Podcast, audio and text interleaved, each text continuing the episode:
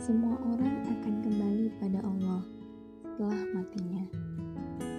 Namun, berbahagialah dia yang telah melangkah menuju Allah sepanjang hidupnya.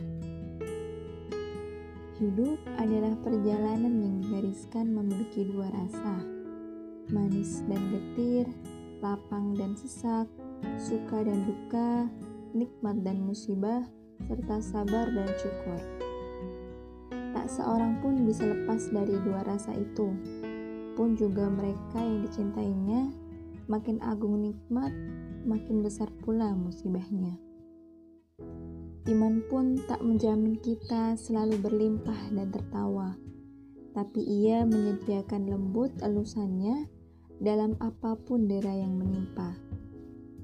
Maka sabar dan syukur adalah wahana yang akan membawa hamba Menselancari kehidupan dan berasa dua itu dengan iman di dalam dada.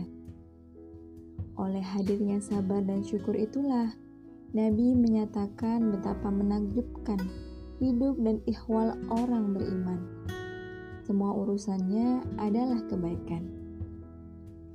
Sebab atas musibah dia bersabar, dan sabar itu membuatnya meraih pahala tanpa hingga dicintainya dan dibersamai Allah Subhanahu wa taala di segala rasa. Sebab dalam karunia dia bersyukur, maka syukur itu membuat sang nikmat melekat kian berganda berlipat menenggelamkannya dalam rahmat. Tapi hakikat sabar dan syukur sebenarnya satu saja. Keduanya ungkapan iman untuk menyambut penuh ridho segala karunia-Nya apa pun jua bentuknya. Maka sabar adalah juga bentuk syukur dalam menyambut karunia nikmatnya yang berbentuk lara, duka, nistapa, dan musibah yang nistahya.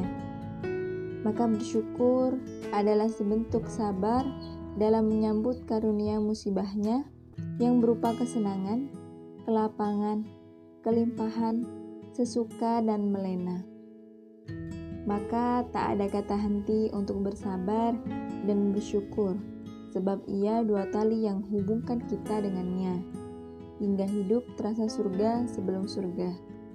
Jika sabar dan syukur itu dua kendaraan, ujar Umar, aku tak peduli naik yang mana. Keduanya berlintasan ridhonya, berjurusan surganya.